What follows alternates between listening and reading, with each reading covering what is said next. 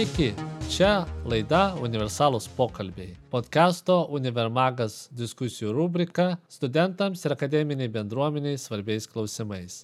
Laidą vedu aš, Žygimantas Menčiankovas ir mano kompanionas Domas Lavrukaitis. Labas, Domai. Labas žygį, sveiki klausytojai. Artėja svarbus įvykis, kai mes rinksime Vytauto didžiojo universiteto studentų atstovybės prezidentą. Tad šią progą į radio debatų laidą pakvietėm save išsikėlusius kandidatus į prezidento postą - Tomą Batsevičių ir Paulių Vaitiekų. Sveiki atvykę. Labą dieną. Mes šiandien pradėsime, e, tiksliau pratęsime tos debatus, kurie vyko trečiadienį. E, Tikėsime, kad e, vadų studentai galės geriau susipažinti su savo kandidatais. Tai iš karto pradėsime e, be jokių prisistatymų.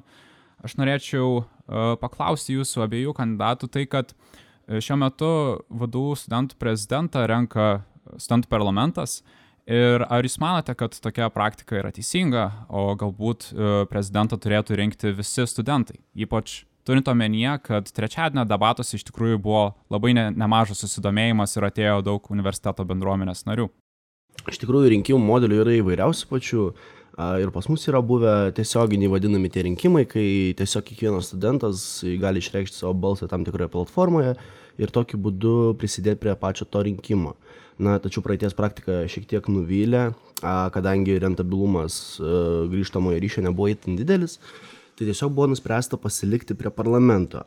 Tačiau ar tai yra geriausias variantas, visgi gal linkčiau link to, kad tai nėra pats geriausias, nes bet kokiu atveju nutinka ir tokių atvejų, kai parlamente visgi nėra visų fakulteto atstovų ir tai na, lemia, kad kažkas gali būti neišgirstas.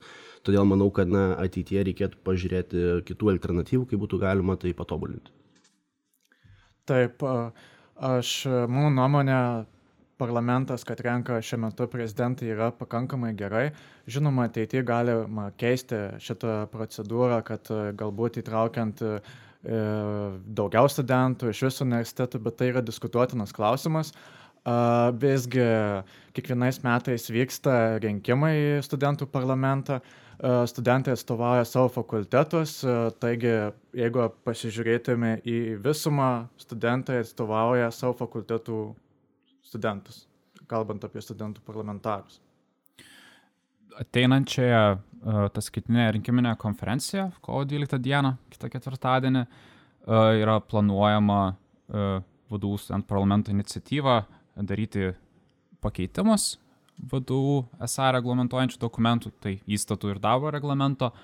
Ir norėjau paklausti, turint omenyje tai, kad perots prieš dviejus metus atlikta vadų esą apklausa dėl vadų esą e, įvaizdžio, e, parodė, kad e, yra nemažai dalis studentų, kurie net neturi nei teigiamos, nei neigiamos nuomonės apie atstovybę, bet tiesiog net nelabai yra susipažinusi su ją. Ir aš norėjau paklausti, ar jūs matytumėt galimybę į įstatų keitimą ir darbo reglamento keitimą įrašyti, tarkim, tiesioginius prezidento rinkimus visų studentų, kaip galbūt vieną iš galimybių sudominti ir pritraukti studentus prie, uh, na, atstovybės veiklos. Taip, mano nuomonė, reikėtų galbūt svarstyti šitą variantą. Visuma, jeigu mes įtrauktume tiesioginius rinkimus, tai būtų daugiau atstovaujama demokratija, daugiau įsiklausoma į studentų nuomonę ir tokiu būdu pasiekiami e, visų fakultetų studentai. A, Tačiau jau kaip ir minėjau, yra renkama ir, renkamas ir studentų parlamentas, kaip ir atstovai šito studentų visų fakultetų. Taigi šitas klausimas yra diskutuotinas, tačiau jeigu plėtojant demokratiją didesniu, plačiau visuma, tada reikėtų svarstyti ir tiesioginį. Mano nuomonė, šiai dienai toks variantas yra kiek per drastiškas, atsižvelgiant į tai, kad na, tas tiesioginis demokratinis rinkimo principas, jis vis tiek yra toks labiau, pavadinkime, kultūrinis dalykas, kuris, na, nu, nežinau kaip įsireikšti, prie jo reikia, pavadinkim, priaukti. Tai reiškia, kad pirmas dalykas turi būti susidomėjimas, um, antras dalykas turi būti įsitraukimas pats ir tada jau tikrai galima apie tai galvoti. Todėl mano nuomonė, šiai dienai uh, tiesioginiai rinkimai galbūt truputėlį daugiau bėdos pridarytų negu naudos. A, bet ateičiai aš manau, kad po truputį lipant į kultūrinį pokytį galbūt bus galima svarstyti ir tokį variantą. Taip, aš norėčiau pridėti prie Paulios, kad e, galima kalbėti apie studentų didesnį pasitikėjimą. Pirmiausia, aplamai studentų parlamento, prezidentų veikla. Kai pasieksime šiuos pirmus žingsnius, tada galima kalbėti apie tiesioginį. Kalbant apie tiesioginius rinkimus, ar netrodo taip, kad jeigu mes neįgyvendinsim arba negrįšim prie tiesioginių rinkimų, kaip mes iki to prieiks, priauksim, kaip tą praktiką, patirtį ją įgausim, jeigu jos net nepraktikuoja. Ar nėra problemos šitoj vietoj? Aš manau, kad mes jau vykdom tą kultūrinį pokytį po truputį. Tai rodo ir trečiadienį debatą, ir tai, ką mes darom šiandieną, kad pirmas dalykas mes apie tai išnekam garsiai, tai nėra, kaip pavadinti, tiesiog parlamento reikalas šia, šiai dienai, nes e, bendruomenė yra skatinama susipažinti su kandidatais, pačiais užduoti jam rūpimus klausimus, tokiu būdu net, na, kaip ir galima sakyti, nukreipti kandidatus vieną ar kitą linkmę, kad, na, tiesiogiai va taip išgirsta studentų balsą, net einant dar į, į, į tas pareigybės. Tai manau, kad mes jau dabar pradedam formuoti tą kultūrą ir, na, tiesiog po truputį reikia laiko, kad tai priauktų, kad tai dar labiau įsiplėstų ir tada jau tikrai manau, kad galėsime eiti link to varianto. O tada aš papildomą tokį klausimą. O kokie tie indikatoriai, kurie mums parodytų, kad iš esmės mes pribrendom ir galim tiesioginės demokratijas rinkimus organizuoti? Kokie tie indikatoriai, kaip mes atpažįstam?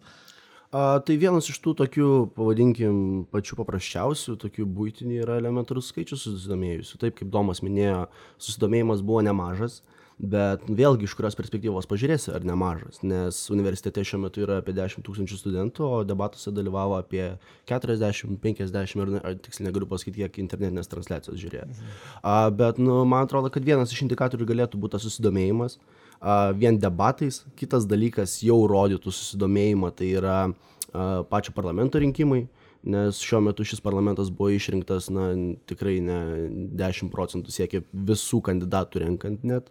Tai manau kad kai tie skaičiai pradės augt mes matysim kad susidomėjimas tikrai yra ir kad link to tikrai galima judėt. Kaip tomai tu galvoji? Taip galit dar patikslinti pirmą klausimą. Pirmas klausimas apskritai kaip mes pribręstume prie tiesioginių rinkimų, jeigu mes jas net nepraktikuojam, nėra apskritai tiesioginių rinkimų. Čia toks loginis e, klausimas.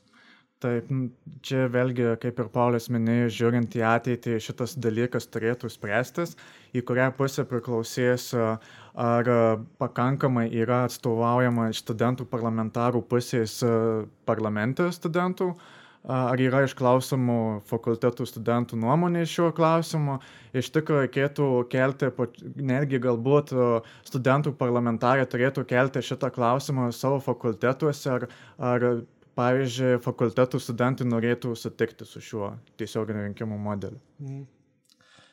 Klaus, klausantis tada kiltų klausimas labai elementarus. Uh, kaip tada tą susidomėjimą didinti, kaip sus, apskritai studento, apskritai studento atstovybė, kaip tas susidomėjimas, kuo jisai pagristas, nuo ko priklauso. Taip, mano nuomonė, susidomėjimą geriausiai yra didinti per komunikacinės priemonės, tai vykdoma ir dabar per socialinius tinklus, uh, per reklaminės krates, nors, pavyzdžiui, dabar per šiuos ruošiantis debatam asmeniškai pasigėdau reklamus, tarkim, plakatų, skrajučių, nes tiesiog, vat, pavyzdžiui, gediminę sėdint ir kalbant su draugais, aplinkui nėra jokio plakato ir galbūt ta visa reklama įtrauktų daugiau studentų, didesnį susidomėjimą ir jie galbūt turėtų atsižvelgti į tai. Pauliu, ar reklamos užtenka? Ar reikėtų daugiau reklamos, ar nuo to priklauso a, susidomėjimas? Ir taip, ir ne. A, taip, tai matomumas visada yra gerai, bet, na, vėlgi mes galime, na, labai plačiai šitą temą iš tikrųjų išplėtoti, kad ar plakatai yra gera, gera platforma dėl, pirmas dalykas, dėl pačių išteklių, ar tikrai verta investuoti tai, kai mes galim tai per socmedijas paleisti, kur na, tikrai srautas yra didesnis ir tai nereikš, kad jeigu Gedimino fakultetą niekas ten nueina, tai niekas nepamatys tų plakatų. Tai man atrodo, kad socmedijos yra šiuo metu ta platforma. A, bet, kaip sakiau, komunikacija yra ir taip, ir ne, nes pirmas dalykas tai turi būti pasiūla tam tikra iš, pa, iš pačios atstovybės. A, tai turi parodyti, kad ta, tas studento balsas, studento įsitraukimas, jis yra iš tiesų svarbus, kad jį yra išgirstama ir jis yra nešamas toliau ten, kur priklauso. Tai man atrodo, vėlgi, na, labai jau per šitą podcastą dažnai turbūt skambės šitas žodis, bet tai yra kultūrinis aspektas, kai, kaip ir mes kalbėjom ir per trečiąjį debatus, kad, na, pasitikėjimas atstovybė galbūt nėra toks ir labai didelis, tai man atrodo, kad vieno tų va, dalykų, kad mes išgirstam studentą ir jo žinutę ištransliuojam rektoratuose, senatuose, tai tada, man atrodo, va, ir po truputį eisim link to, kad ir atsiras pasitikėjimas ir atsiras noras formuoti tą jaunimo politiką kartu su atstovybė. Taip, aš norėčiau prisidėti, kad uh, jau eilę metų į praeitį žiūrint, to progreso kaip ir nematyt. Pavyzdžiui, rinkau parašas ir e, daugelis studentų pasako, kad jeigu paklausia, ar žinai, ką veikia studentų atstovybė arba studentų parlamentas, kokios prezidentų veiklos, praktiškai daugelis studentų atsakys, kad nežino, galbūt iš bendro supratimo jie ir pasakys, kad maždaug kažką atlieka, jeigu e, mokykloje turėjo su Lietuvos moksleivių sąjunga panašios veiklos, tada jie žinos maždaug, ką, kokias funkcijas atlieka studentų parlamentas, prezidentas, atstovybė. Tačiau daugelis šiuo metu nežino. Ir tikrą komunikaciją reikia gerinti, nes šiuo metu yra pakankamai prastas padėti šiuo klausimu apart komunikacijos, e, man užstrigo vienas dalykas, ką Paulius paminėjo. Na, kaip žinia, dabar e, atstovybės prezidentą renka parlamentas. Ir kaip Paulius paminėjo, kad iš kai kurių fakultetų parlamente net nėra atstovų. Ir e, taip gaunasi, kad techniškai tie studentai, kurie neturi savo atstovų parlamente, na, jie visiškai nedalyvauja nekaip, net per atstovus prezidento rinkimuose. E, Ir aš noriu paklausti, ar jūs nematote to kaip problemos, nes jeigu tame fakultete neatsiranda kandidatų, kurie norėtų save išsikelti į parlamentą ir studentai neturi šanso išsirinkti savo atstovų, bet tai nereiškia, kad jie nebalsuotų tiesioginėse prezidento rinkimuose, taip turėdami teisę pasisakyti už tai, kas turėtų būti jų prezidentas. Kad tai yra problema, tai taip, bet kad jie neturi šanso išskelti savo kandidato, tai tikrai ne nes visi fakultetai turi visiškai vienodas teisės, vienodas galimybės išsikelt savo kandidatą ir jį išrinkti parlamentą. Tai čia man atrodo, kad taip tai yra problema, tačiau vėlgi atsiriamėm į tai, kad a, pačio sudomėjimo, sakykime, galbūt nėra iš to fakulteto studentų. Ir vėlgi prie to reikėtų dirbti, ką ir prieš tai mes su Tomu vat ir aptariam. A, taip. A, vėlgi galim grįžti prie pačios komunikacijos kad yra ta komunikacija nepakankamai gera ir e, pra, praktiškai studentai nežino, kaip tie rinkimai vyksta, kaip į studentų parlamentą, nes reikia domėtis tuo daugiausia pačiam, o kad jeigu padidint tą visą susidomėjimą ir nes, pavyzdžiui, jeigu mes kalbam apie kokybę parlamentarų, tai kuo didesnis susidomėjimas, žinomim, žinomumas parlamentarų rinkimais, tuo didesnį kokybę, žiūrint į ateitį. Aš tik norėjau patikslinti uh, E, Pauliau, į e, tavo komentarą, tai kad e, aš nesakiau, kad fakultetai kai kurie yra kažkaip apriboti kelti savo kandidatus į parlamentą, bet tiesiog turėjau omenyje tai, kad tie studentai, kurie mokosi tose fakultetuose, kur nesusilaukia iškeliamų ar save išsikėlusių kandidatų, ar jie turėtų dėl to nukentėti, nes galbūt jie aktyviai balsuotų rinkimuose, bet jie tiesiog savo tarpę neturi žmonių, kurie galėtų skirti savo laiką būti parlamente. A, iš dalies sutikčiau su šitu teiginiu, a, bet vėlgi m, reikėtų žiūrėti truputėlį į perspektyvą pačią. Nes yra tokių fakultetų, kur, kadangi vis tiek yra tai tam tikra fakulteta, tam tikros kvotos, kiek gali studentų atstovų būti parlamente, a, tai yra fakultetų, kur, pavyzdžiui, dabar bijau sumeluoti, ar tai politikos mokslo, ar kažkuris iš tų fakultetų, kuris turėjo šešias kvotas, bet kandidatų atsirado devyni. Tai tai rodo, kad na, tas studentų domėjimasis yra, tiesiog jis kažkaip na, neproporcingai pavadingi pasidalinęs.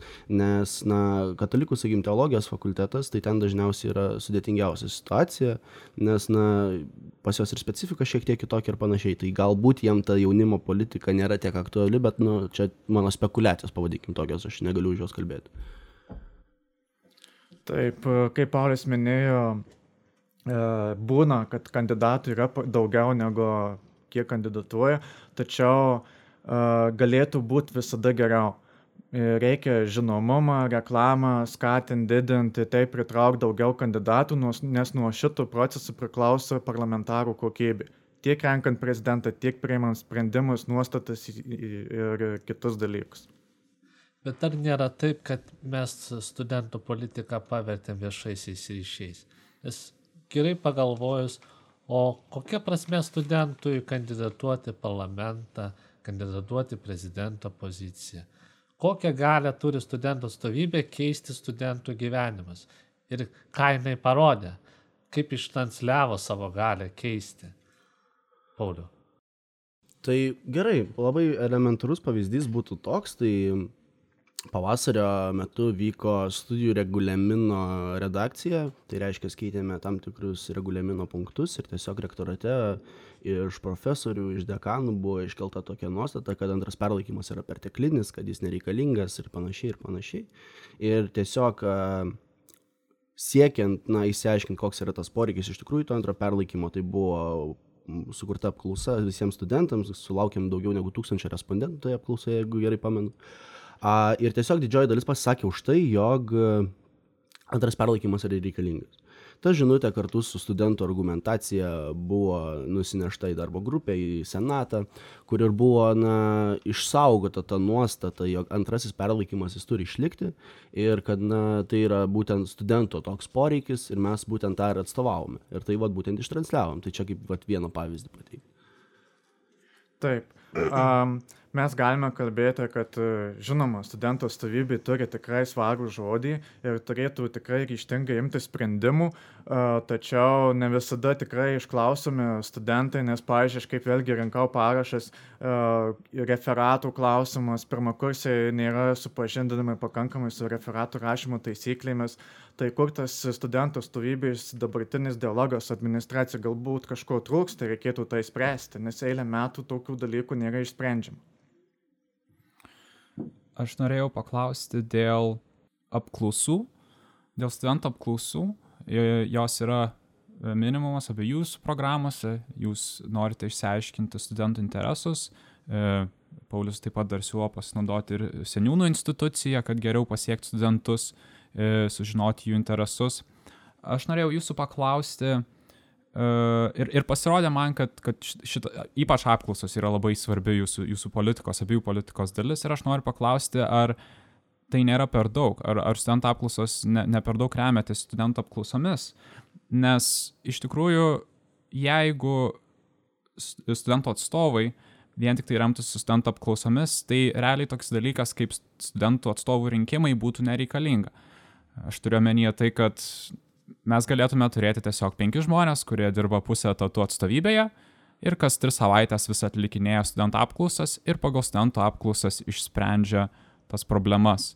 Tai aš noriu paklausti, ar jums netrodo, kad studentų apklausos tiesiog vaidina per didelį vaidmenį? A, sakyčiau, kad e, šiaip pastaba tikrai gera, a, tačiau su ja nesutikčiau visumoje, kadangi bent jau už to, ką per šią kadenciją su apklausom buvo daroma, tai apklausos buvo naudojamos tik tada, kai reikia blitz atsakymą, pavadinkim. Tai reiškia, kiek įmanoma greičiau surinkti tą atsakymą, nes antrą perlaikymo apklausą, vėlgi, jeigu neklystu, per tris dienas surinko atsakymus, nes kaip tik tą pačią savaitę turėjo vykti ir darbo grupės posėdis. Tai apklausos yra ta platforma, kur tu gali kiek įmanoma greičiau susilaukti to grįžtamojo ryšio. Tačiau, kai kalbam apie sisteminės problemas esančias fakultete, studijų programoje, tai būtent čia vat ir turėtų veikti ta seniūnų institucija, e, tie patys studentų atstovai, kurie eina ir gilinasi e, į problematiką, į situaciją ir visą kitą, kaip ir šią kadenciją buvo vykdoma menų fakultete, gamtos mokslų fakultete, kai tiesiog studentų atstovai kartu ir aš e, ėjome į fakultetą pas studentus išsiaiškinti, kur yra problematika, kadangi buvo tam tikrų situacijų tose fakultetuose. Ir, na, tiesiog bendros diskusijos metu susirinkome faktus, dar palaikėme ryšį kelias savaitės, kad išplėsti tą visą informacijos bloką ir kartu su tuo informacija keliavome į administraciją siekti išspręsti tas problemas. Taip, aš taip pat e, drįščiau nesutikti.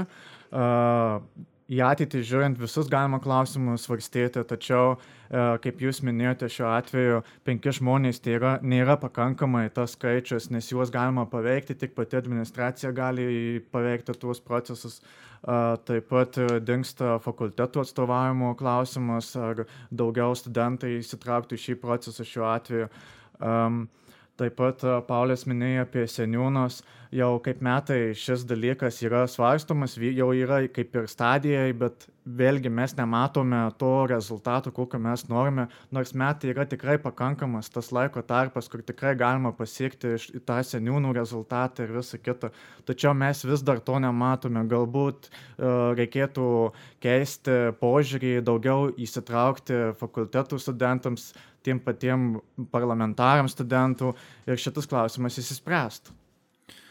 Ar jūs nemanote, kad kai studentai renka savo studentų atstovus, ar tai būtų jų atstovai parlamente iš fakulteto, ar tai būtų jų hipotetiniu atveju e, tiesiog renkamas prezidentas, kad jie pasižiūrėję į šitų žmonių nuomonę apie universitetą, jų pažiūras, jų idėjas ir jų vizijas, kad jie taip realiai pasako studentų atstovams, kokiu, kaip jiem norėtų, kad būtų tie klausimai sprendžiami ir kad realiai studentų atstovų toks darbas ir yra laimėjus rinkimus žinoti, ko nori studentai iš anksto, nes kitaip jie nebūtų išrinkti.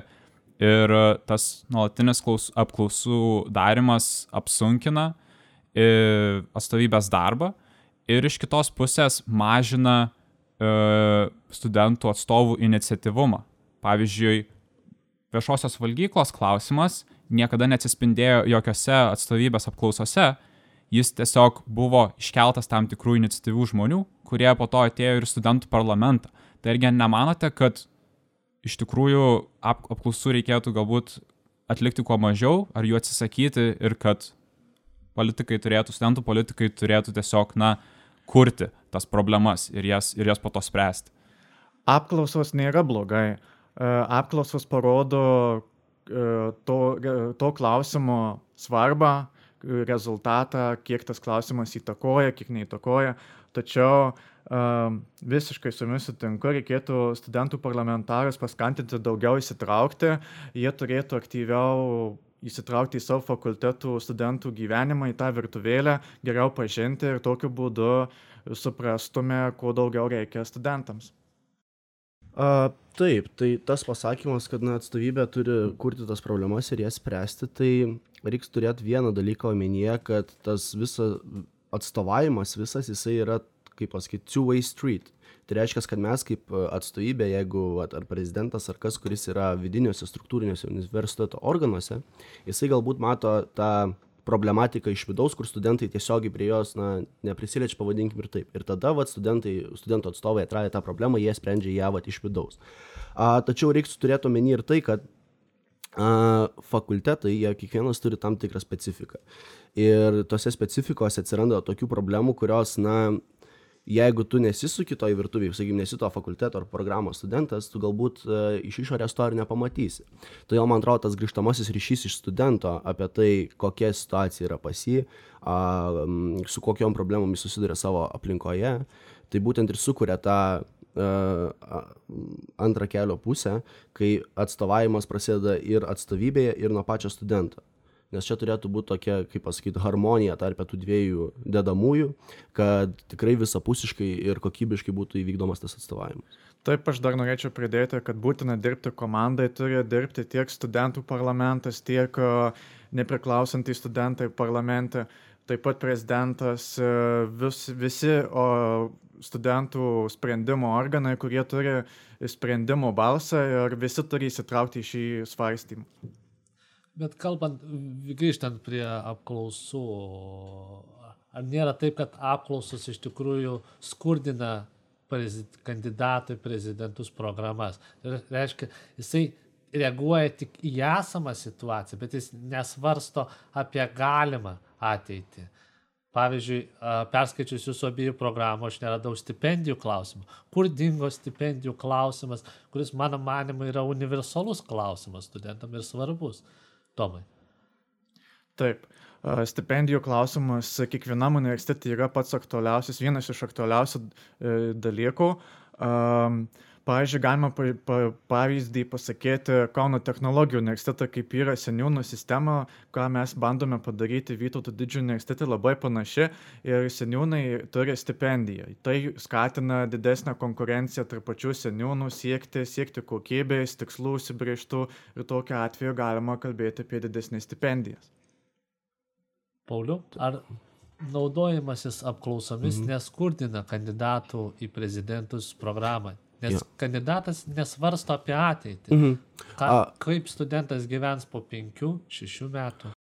Apklausos yra skirtos, kaip pats ir paminėjai, spręsti tas problemas, kurios yra on the spot. Tai reiškia, kurios tą akimirką iškyla ir reikia jas kiek įmanoma greičiau išspręsti. Bet žvelgiant į perspektyvą, tai e, būtent ir yra tas požiūris dėliojamas e, senate, rektorate, jo labiau toje pačioje universiteto taryboje, kur tu matai kuria linkme juda pats universitetas ir į kurią pusę reikėtų tai pastumti, kad tai būtų į naudą studentams. Tai a, vėlgi yra tos problemos, kurios yra momentinės, tai reiškia, kad ten kažkas išti, iškyla kažkuriam fakultete su studijų programa, sakykime, ar kažkuo. Ir yra problemos jau tokios masyvesnės, kurios yra susijusios su pačiu, pa, pačia universiteto vizija, strategija ir panašiai.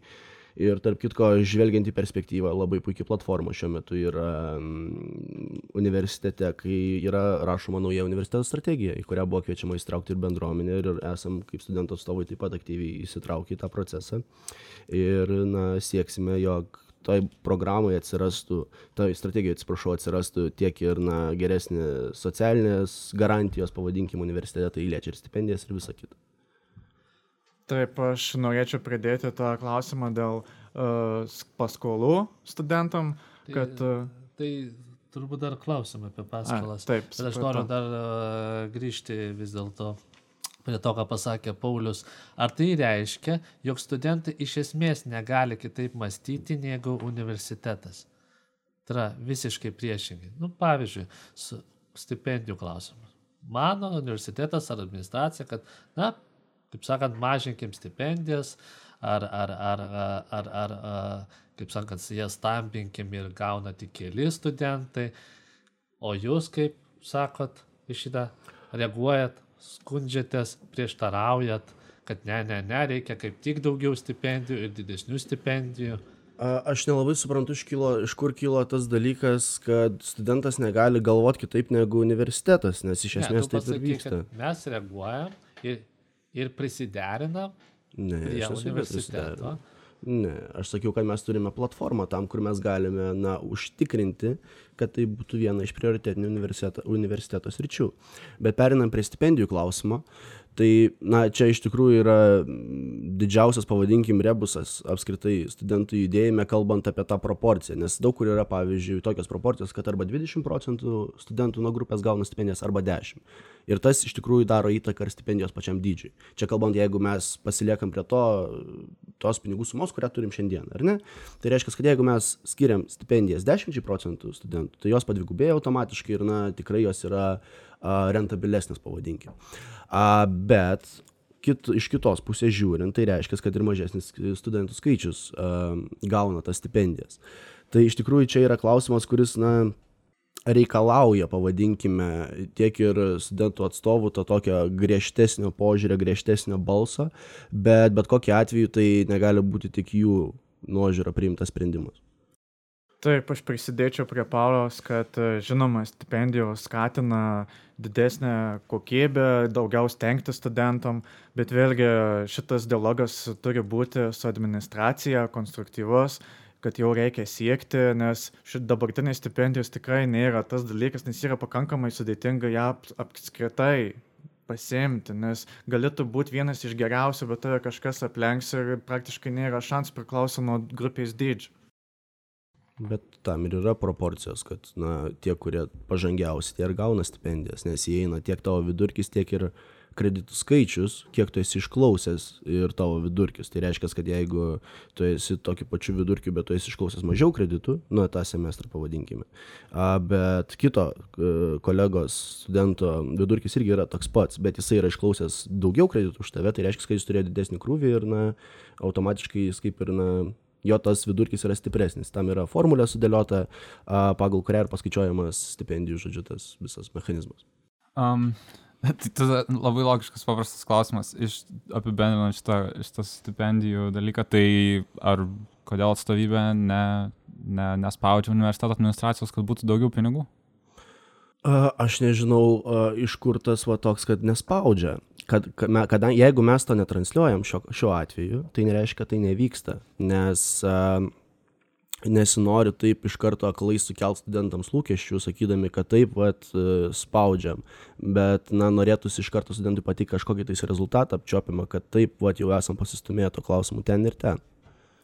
Aš norėčiau paminėti, Paulius minėjo, kad uh, tai netransliuojama, bet e, tai turėtų būti transliuojama, nes studentai turi privalo būti supažindinti su šiuo reikalu, kad e, daugiau pinigų privaloma tikrai ieškoti, nes e, kuo daugiau pinigų būtų skiriama stipendijom, tuo didė, daugiau studentų būtų galimybė gauti stipendiją.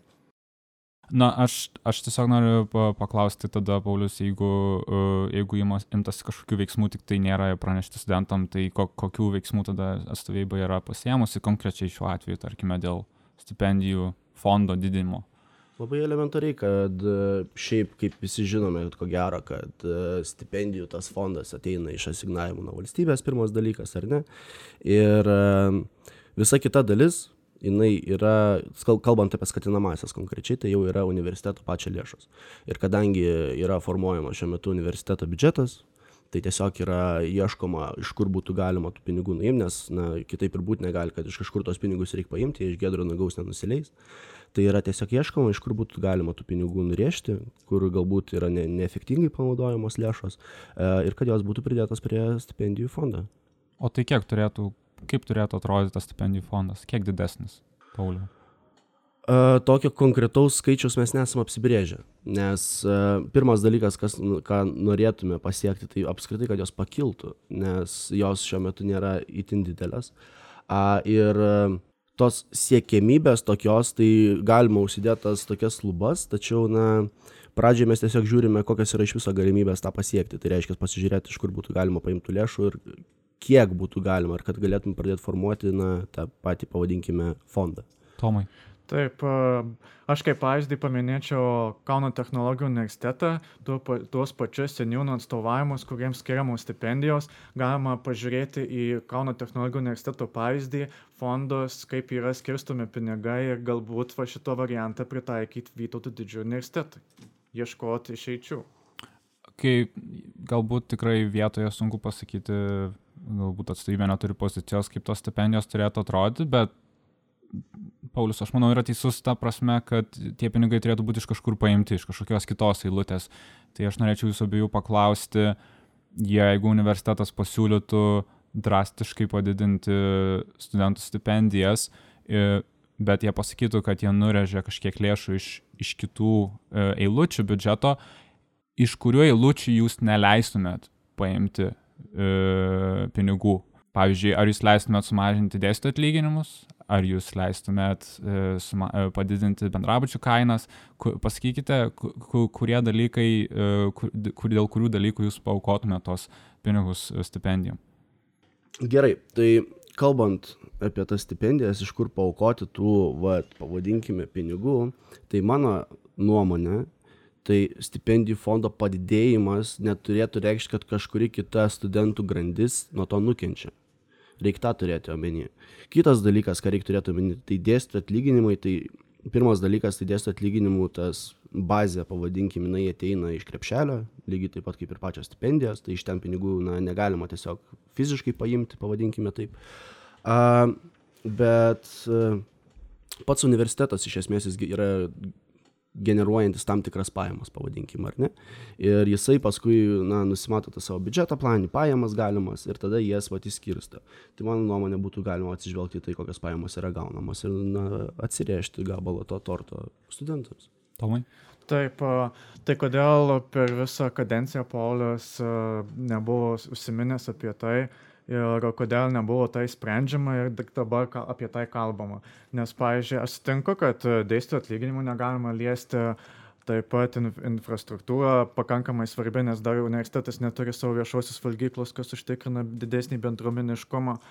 Um, taip pat studijų fondo didėjimas, žinoma, kad turi būti atsižvelgta į universiteto generuojamas pajamas ir iš tikrųjų, pavyzdžiui, kokie tie viešieji pirkimai vyksta, ar jie yra pakankamai svarbus universitete, galbūt reikia atsižvelgti į studentų nuomonę stipendijų klausimą.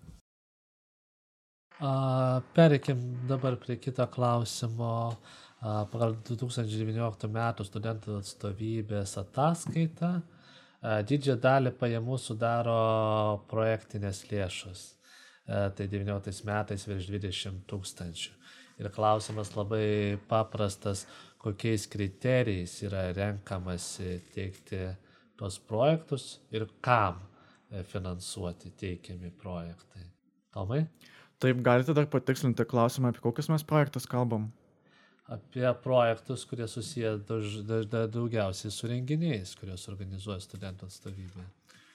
A, tai visų pirma yra kiekvienais metais finansinė ataskaita skelbiama, galima įsitraukti į iniciatyvos Kaunai projektus, aš esu atlikęs praktiką investicijų plėtros programų skyriai ir tikrai ypatingai šis skyrius laukia projektų dėl kultūros, kad bendruomeniškumą skatinti, tikrai galima pasiūlyti daug idėjų, nes be pavasario festivalio tikrai kol kas turime mažai pasiūlymų, tų idėjų tikrai galima sugalvoti, įtraukti ir tokiu būdu skatinti didesnį studentų įsitraukimą ir tokį populiarumą universitetų padidinti. Pats asmeniškai, kam, kokiems renginiams, kokiems iniciatyvams norėtum teikti tos projektus, kokį, ko, kam skirtum prioritetą.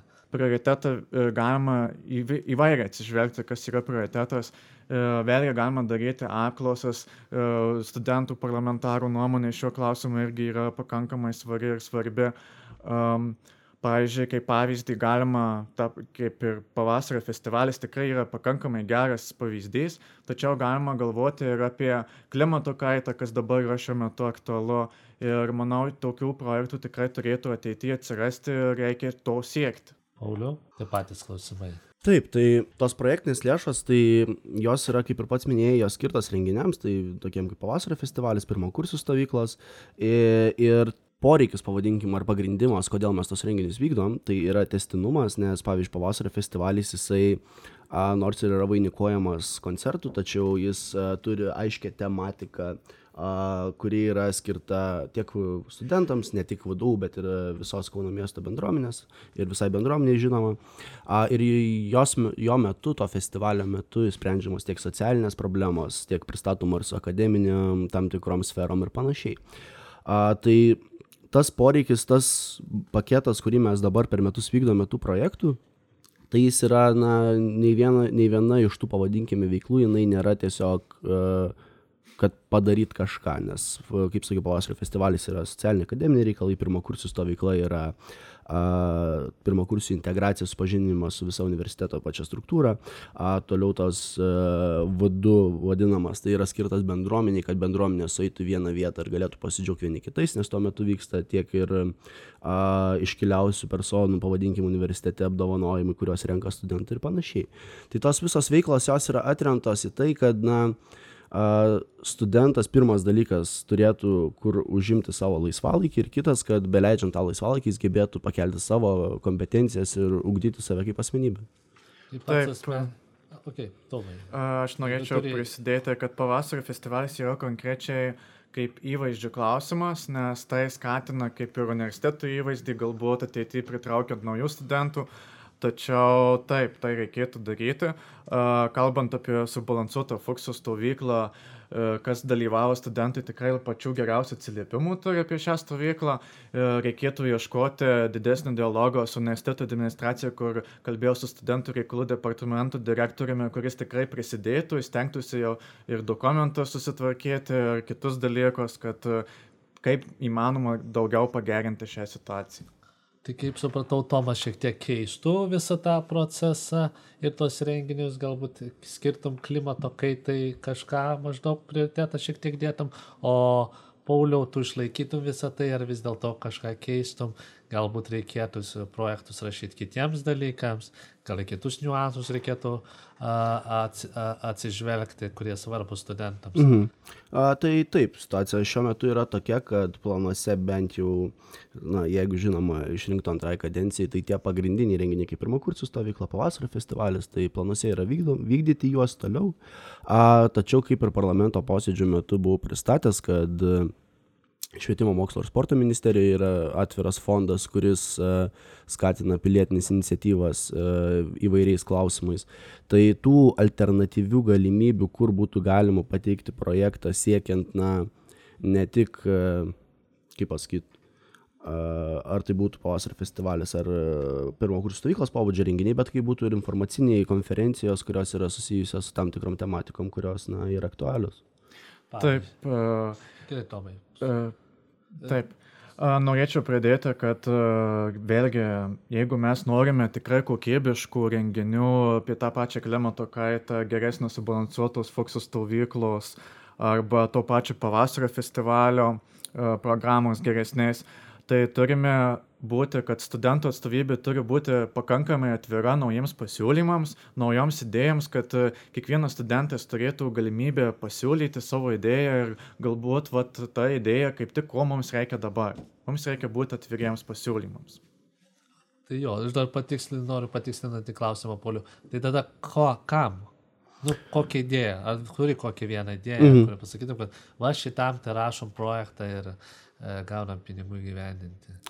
A, taip, tai buvo, kadangi nežinau, kiek jūs esate pažinę, bet mes turėjom tokį renginį vadin, pavadinimu apšvietimas, kuris yra skirtas na, skatinti studentus būti akademiškai sąžiningais ir taip toliau. A, tačiau ta, pavadinkim, pati koncepcija projektų šiek tiek paseno, jinai nebetapo, nebetapo tokia populiari tarp studentų.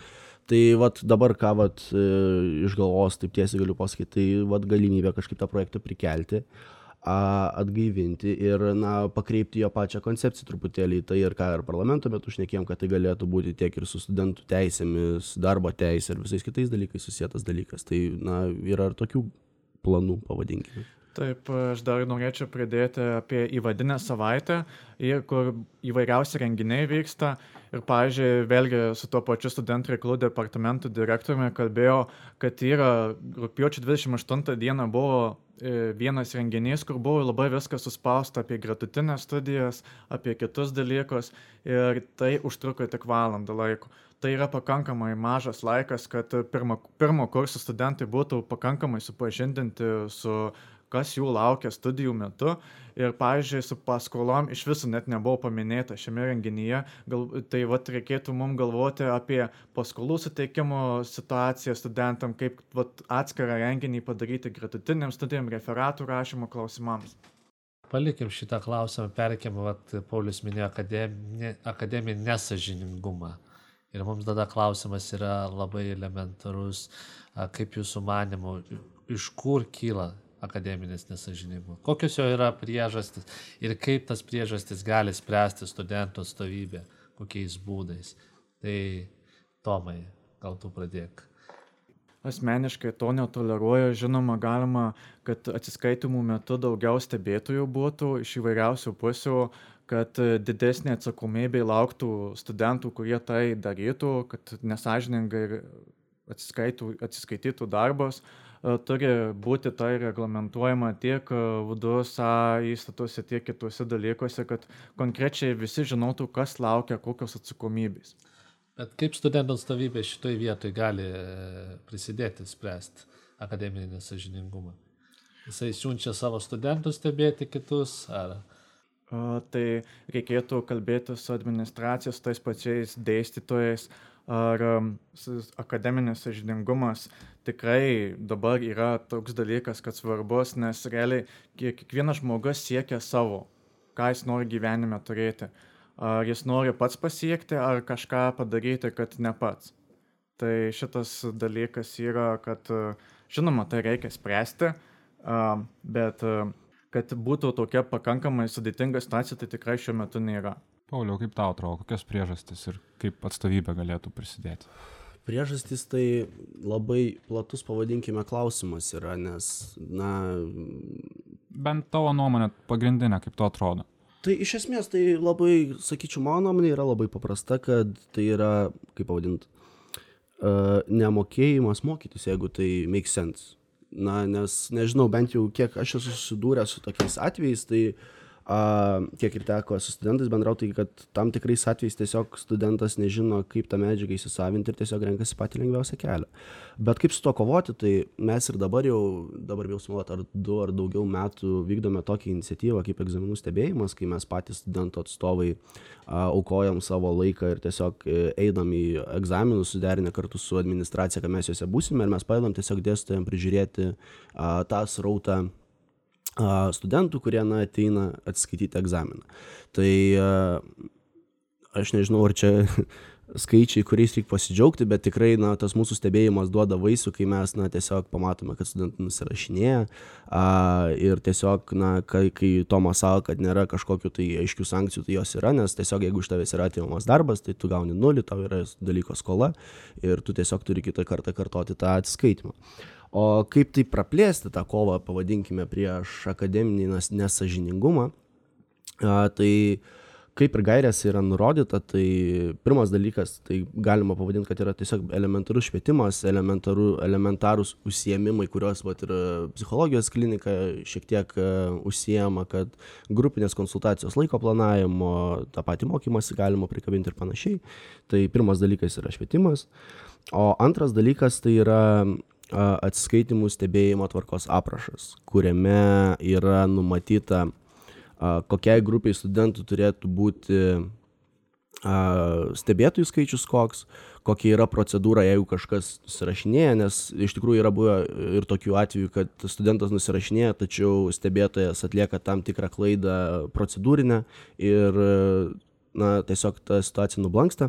Tai iš esmės dokumentas kuris e, yra ne atstovybės tai yra jau universitete priimamas kuris reglamentuoja visą aiškią procedūrą kaip vyksta atsiskaitymas kaip vyksta procedūra nusižengus ir kokios e, kokie tolimesni žingsniai laukia studentų Taip, bet aš norėčiau pridėti, ar, ar tikrai tas dokumentas yra supažindintas su studentais, ar studentai žino, kokios taisyklės kokie nuostatai yra tame dokumente, nes, pavyzdžiui, tikrai paklauskime studentų, e, studentų auditorijas. Ar jie gali nusirašinėti?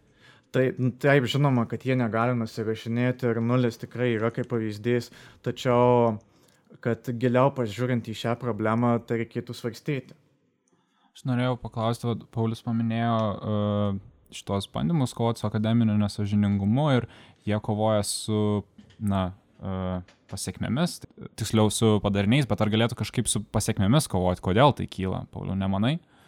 Tai kaip ir minėjau, tai tam yra, kaip pasakyti, švietimas elementarus tai reiškias laiko planavimas kaip e, mokytis ir panašiai. Tai tokie dalykai na jie tikrai nėra tas garantas kur vat jeigu tu išklausai kažkokį tais kursą tai tu dabar esi šventai akademiškai sąžiningas.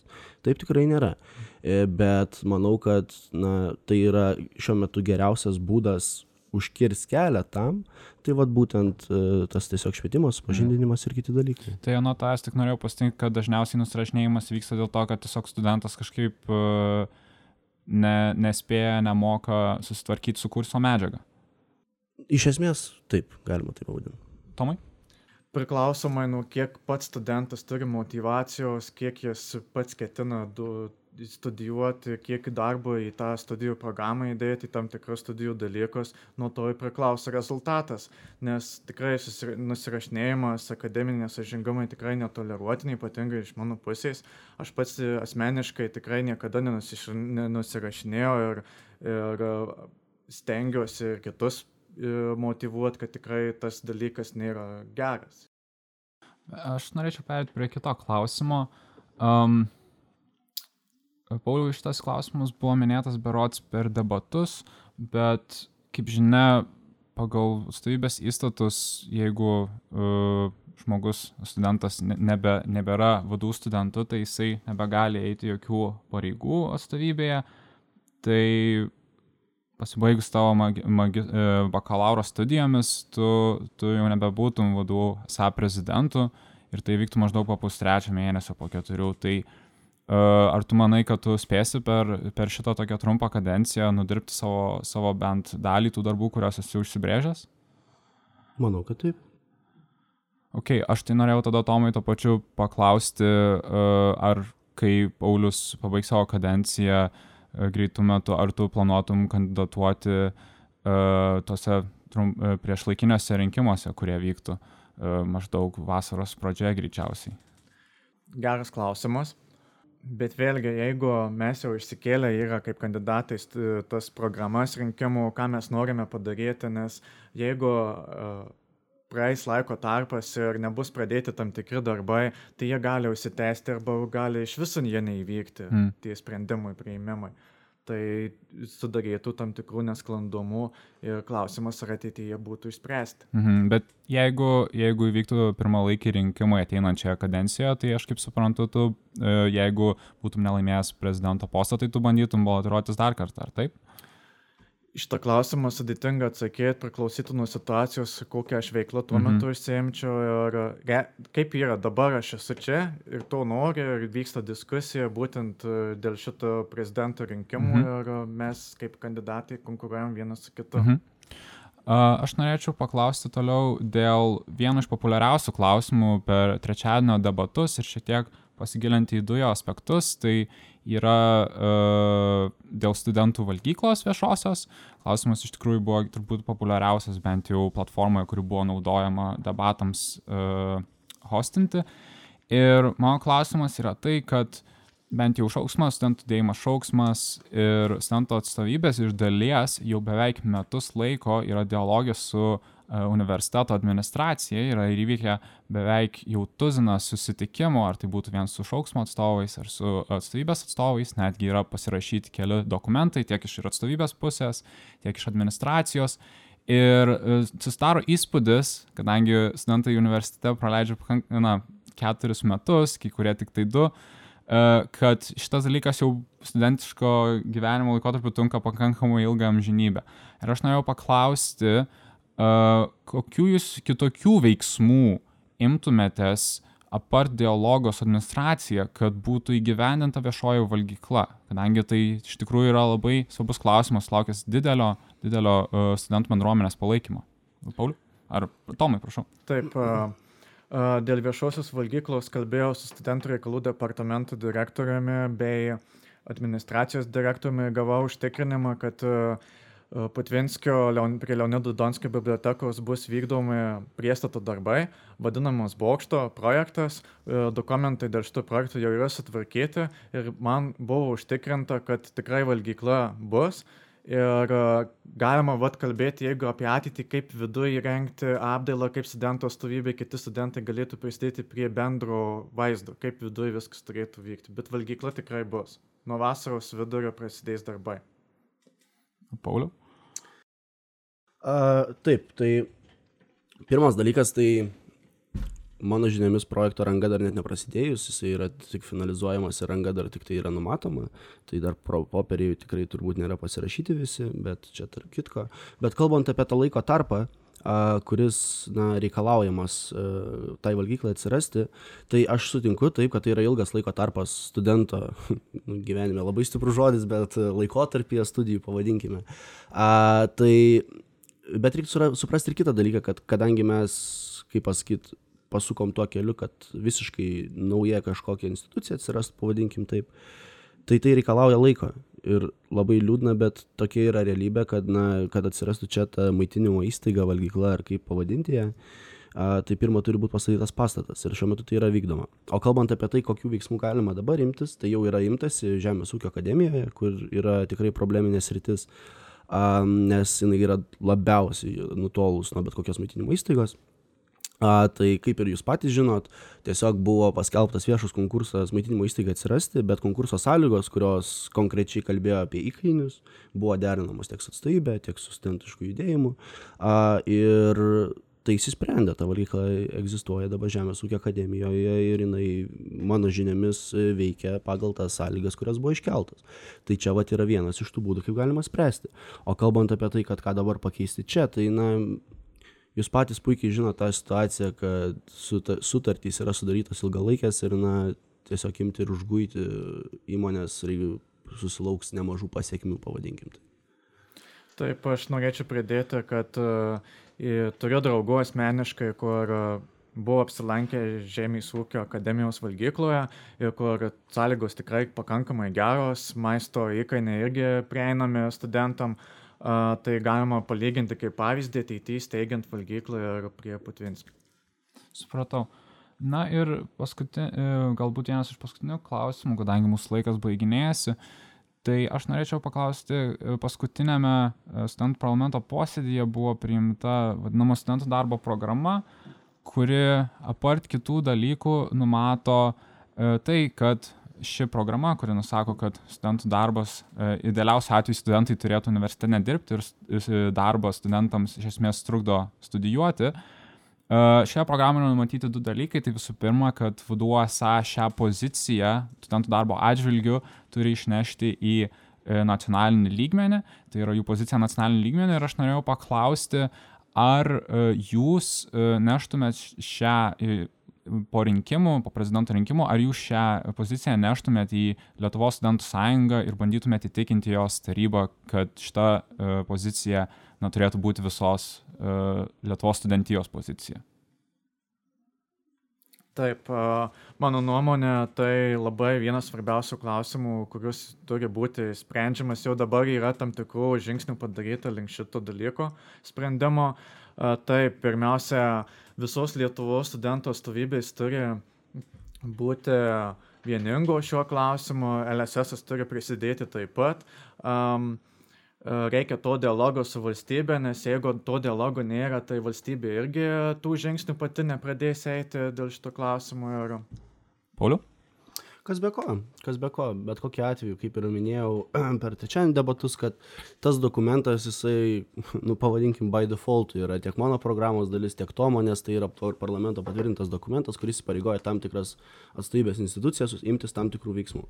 Tai, na, tai žinutė turės būti nešama. Taip, dar norėčiau pridėti dėl paskolų, kad gyvenimo išlaidoms konkrečiai, kad e, kalbėjau su valstybinio studijų fondo darbuotojais, kad e, šiuo metu jokio projekto nevykdoma, kad e, dėl paskolų didesnių studentam ir kad kaip tik mums to reikia, kad LSS studentų stovybės kartu tai iškeltų šį klausimą ir kad šitas dalykas pradėtų judėti. Na ir paskutinis klausimas prieš mums pabaigiant, tai e, studentų darbo programa taip pat numato, kad vadų studentams turėtų būti organizuojami darbo teisės mokymai, kad tie studentai, kurie dirba prastose darbo vietose, išmanytų savo teisės. Ir aš norėjau paklausti, kokius fa e, faktinius būdus, kaip jūs matote, kad galėtų šitie uh, mokymai būti organizuojami pačios atstovybės? Taip, tai labai vakar pasisekė, pavadinkim man to klausimu, nes a, užmačiau skelbimą apie, apie vieną profesinę sąjungą, kur vat, ir jūs labai minėjote, gegužės pirmosios profesinė sąjunga, pamačiau tokį skelbimą, kad jinai teikia nemokamas konsultacijas darbo teisės klausimais. Tai aš manau, kad atsižvelgiant į tai, kad tai yra tiesioginė mūsų interesų grupė ir kiek žinau, tai yra ir studentų toj profesinėje sąjungoje ir jeigu jie dar teikia tas paslaugas nemokamai, tai manau, kad tai yra mūsų, pavadinkim, aukso kasykla, kur mes galim pasikviesti, kad supažinti studentus būtent su tais visais niuansais. Taip. Um, darbo teisės mokymai, profesinė sąjunga yra tas būtent garantas, kas turi išspręsti šią problemą. Užimtumo tarnyba labai abstrakčiai šiuo klausimu pasisako ir praktiškai nevykdo jokių tų užduočių, tų, ką turėtų vykdyti profesinė sąjunga. Todėl reikia atsižvelgti į profesinę sąjungą, nes ji kaip tik yra tas užimtumas studentam, kad supažindint su darbo galimybėm ir kitais niuansais. Dėkui už Jūsų atsakymus, dėkui už Jūsų pokalbį ir noriu palinkėti sėkmės abiem rinkimuose. Ačiū Jums. Ačiū Jums visą. Dėkui. Jūs klausėtės Univermago rubrikos Universalus pokalbiai. Su jumis buvo Žygimantas Menčiankovas ir Domas Lavrukaitis. Kito epizodo laukite lygiai už mėnesio, o po dviejų savaičių pasirodys naujas studentų žinių epizodas. Jeigu norite prisijungti prie šauksmo arba prisidėti prie šio podcast'o, rašykite mums į mūsų Facebook paskyrą arba elektroniniu paštu šauksmininkai at gmail.com. Nori, kad visi išeitų į gatves, liūdni proletarai studentai. No, no, no, no, aš netraukiu daugiau, baisu vienam pabūst ant grindų. Žinai, kad viskas išėjo.